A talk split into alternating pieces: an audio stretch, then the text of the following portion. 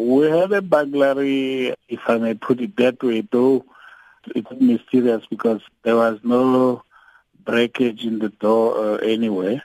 But we did have a situation where on the 14th of December last year, we discovered that uh, some of the golden artifacts that were displayed as part of the Thulamela storyline uh, were missing and, and currently still investigating. The case have been reported to the police in Skukuza.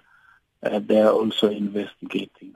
So we have a museum in Skukuza as part of the Stevenson Hamilton Library, and uh, we changed the storyline two, three, four years ago. And as part of the storyline, we have uh, Thulamela. As you know, that Thulamela is one of the archaeological sites uh, that we have in the park uh, up north. Part of the display that uh, talks to Thulamela storyline, uh, we had uh, some of the uh, golden artifacts that were um, excavated from Thulamela, and that's what has been stolen.